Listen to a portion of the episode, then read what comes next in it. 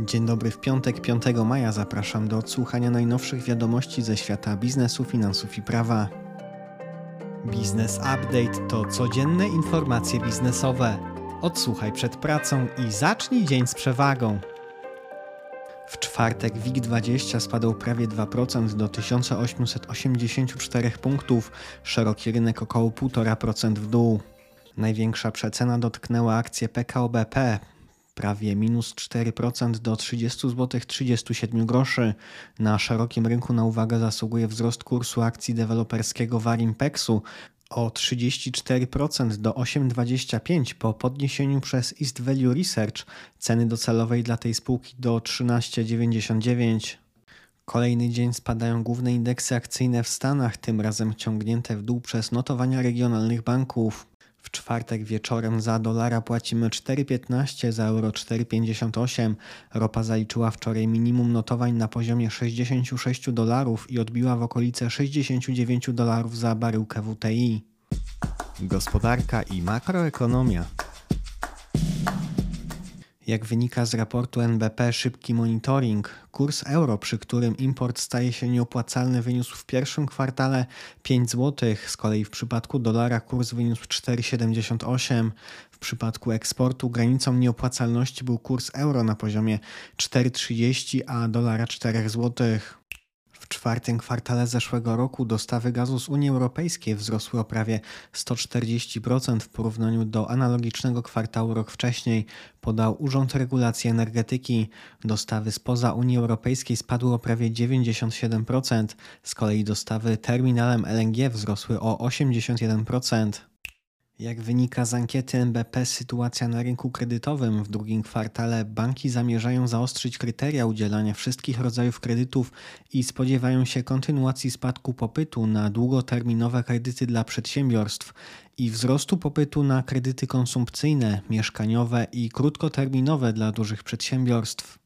Polska minister klimatu i środowiska i japoński minister gospodarki, handlu i przemysłu podpisali memorandum o współpracy w dziedzinie rozwoju technologii wodorowych. Pogłębienie toru wodnego w porcie w Elblągu stało się przedmiotem sporu między władzami centralnymi a samorządem Elbląga.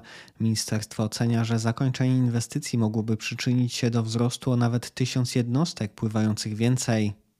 Wiadomości z Unii Europejskiej. Europejski Bank Centralny podniósł stopy procentowe o 25 punktów bazowych, co było zgodne z oczekiwaniami. Od 10 maja stopa podstawowych operacji refinansujących wyniesie 3,75%, stopa kredytu w Banku Centralnym 4%, a stopa depozytu 3,25%.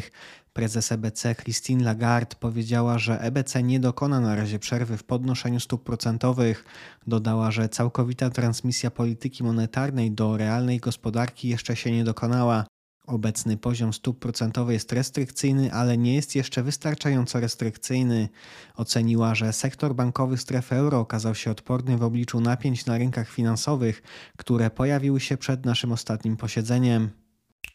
W marcu ceny produkcji sprzedanej przemysłu spadły w strefie euro o 1,6% miesiąc do miesiąca, w ujęciu rocznym wzrosły o 5,9%. Komisja Europejska przyjęła wniosek ustawodawczy w zakresie regulacji dotyczących wspierania produkcji amunicji w celu umożliwienia państwom członkowskim uzupełniania zapasów pocisków na Ukrainę. Na ten cel ma zostać przeznaczone 500 milionów euro. Wiadomości ze świata Senat Stanów Zjednoczonych przegłosował w środę uchylenie zawieszenia przez prezydenta Joe Bidena ceł na panele fotowoltaiczne z czterech krajów Azji Południowo-Wschodniej, co ma na celu wsparcie małego krajowego przemysłu wytwórczego. Informacje biznesowe. Giełdowa spółka sektora Game Dev Playway stawia na uproszczenie struktury i postępującą konsolidację, przy tym kładąc nacisk na głównie zespoły wewnętrzne, a nie podmioty zewnętrzne. Na przełomie roku spółka zrezygnowała z inwestycji w Movie Games i Simfabric. Spółka zależna grupy producent gier Simrail może zadebiutować na giełdzie, natomiast spółka Min Astronauts mogłaby stać się niegiełdowym podmiotem dywidendowym, podkreślił w ramach czata z inwestorami prezes Playway. Prezes Kostkowski wskazuje, że dywidenda może wynieść 17,39 na akcję, a jeśli zeszłoroczne zyski na to pozwolą, może zostać zwiększona nawet o 2 zł. Akcje spółki notowane są obecnie w okolicach 403 zł, a kapitalizacja to około 2 miliardy 660 milionów. Anwil należący do grupy Orlen ma być odpowiedzialny za budowę terminalu przeładunkowego w Gdańskim Porcie Morskim. Trwa postępowanie na wybór wykonawcy inwestycji, a zakończenie jej realizacji planowane jest na trzeci kwartał 2026. Zdolność przeładunkowa nowego terminala miałoby wynieść minimum 300 tysięcy ton rocznie. Ciech podpisał umowę na sprzedaż i dystrybucję soli spożywczej z gigantem Cargill. Sól ma pochodzić z zakładów Ciecha, warzelniczego w niemieckim Stadtfurt i produkcyjnego w Janikowie. Docelowe moce produkcyjne niemieckiej warzelni mają osiągnąć poziom 450 tysięcy ton rocznie. Deweloper Arche rusza z ofertą apartamentów dla seniorów. W najbliższym czasie mają powstać dwa osiedla w Otwocku i jedno pod Bydgoszczą, zapewniając tym samym między 200 a 300 lokali. Pierwsze mieszkania mają być dostępne w sprzedaży najwcześniej na jesień bieżącego roku. Kaufland w ramach rozwoju ekspansji na polskim rynku zamierza zwrócić się w stronę najmu nowych placówek, odchodząc od strategii budowania własnych obiektów. W Polsce firma obecnie operuje w ramach 240 supermarketów, przy czym tylko 20 wynajmuje. Przychody za zeszły rok wyniosły 12 miliardów złotych. Fuzje i przejęcia, inwestycje i venture capital.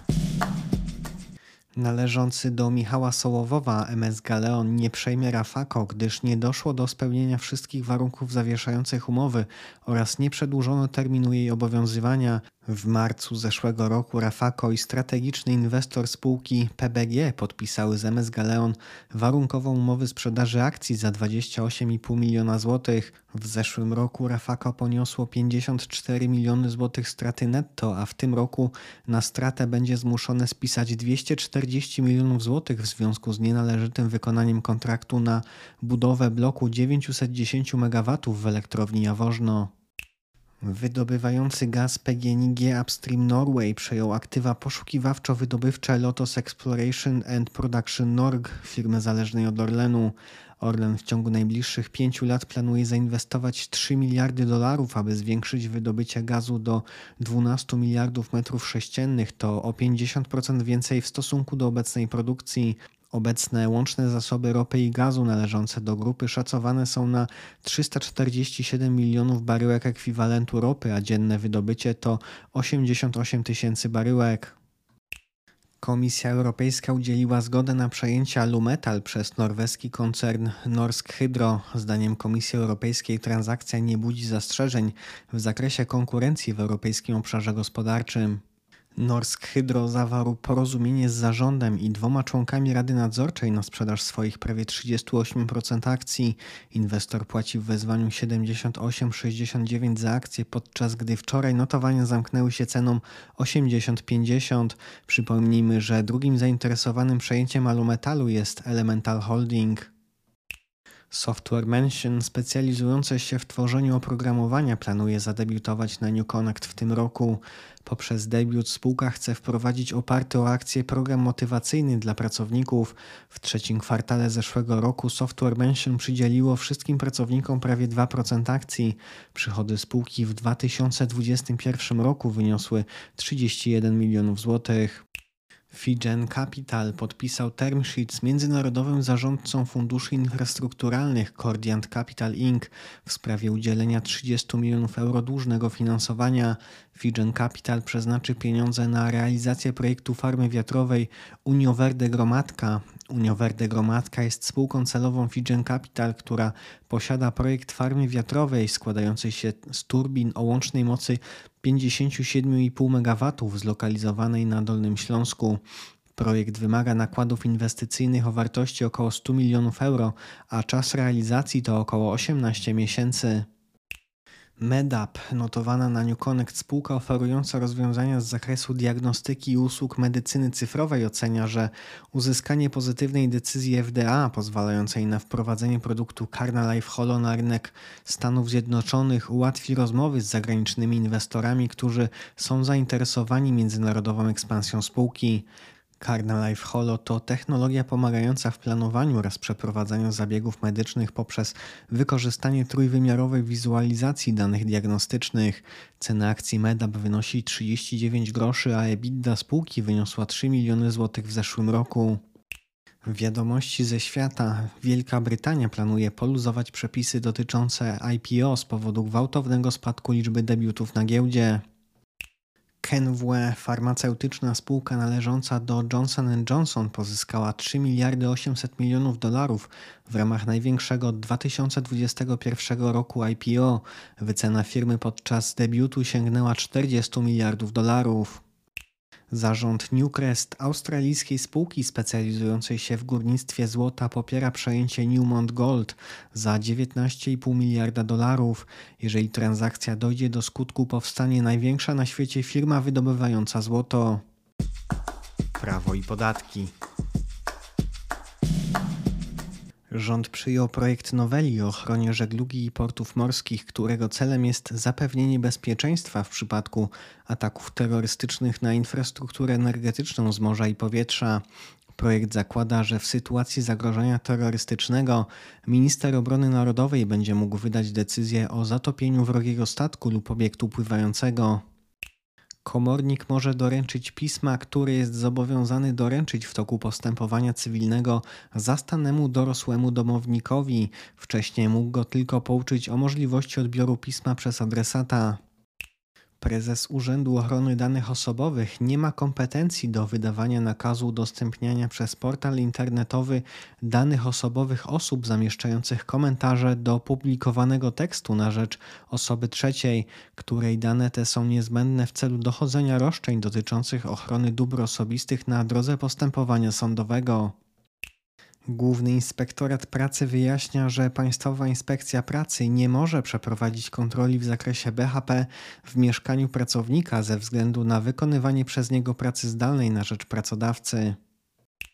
Planowane zmiany w procedurze cywilnej przewidują obligatoryjne skierowanie sprawy pomiędzy pracodawcą a pracownikiem do mediacji, jeżeli nie podjęły one próby ugodowej lub nie podały dostatecznie jasnej i przekonującej przyczyny niepodjęcia polubownego załatwienia sporu. Dla pracodawców będzie to oznaczało faktyczną konieczność podjęcia z pracownikiem próby polubownego załatwienia sprawy przed skierowaniem jej do sądu pracy. Krajowa Administracja Skarbowa przejęła ponad 3,5 tysiąca sztuk podrobionej biżuterii z zastrzeżonymi znakami towarowymi, której wartość ocenia się na ponad 4 miliony złotych. Do konfiskaty doszło na terenie centrum handlowego w Wólce Kosowskiej. Handel towarami z podrobionymi znakami towarowymi jest przestępstwem, za które grozi kara do 5 lat pozbawienia wolności. Wiadomości z Unii Europejskiej Komisja przyjęła zalecenie w sprawie sposobu zwalczania piractwa w internecie na skalę komercyjną w odniesieniu do wydarzeń sportowych i innych wydarzeń na żywo, takich jak koncerty i występy teatralne. Komisja zachęca państwa członkowskie do zwalczania niedozwolonej transmisji takich wydarzeń. To już wszystko w podcaście. Nieco więcej informacji, szczególnie tych dotyczących danych rynkowych i wyników finansowych, znajdą Państwo w wersji tekstowej, czyli w newsletterze, na który można zapisać się na businessupdate.pl. Jeżeli serwis jest pomocny, będziemy wdzięczni za polecanie go oraz oceny na platformach do podcastów. Ja życzę Państwu piątku bez niespodzianek, miłego weekendu i do usłyszenia w poniedziałek.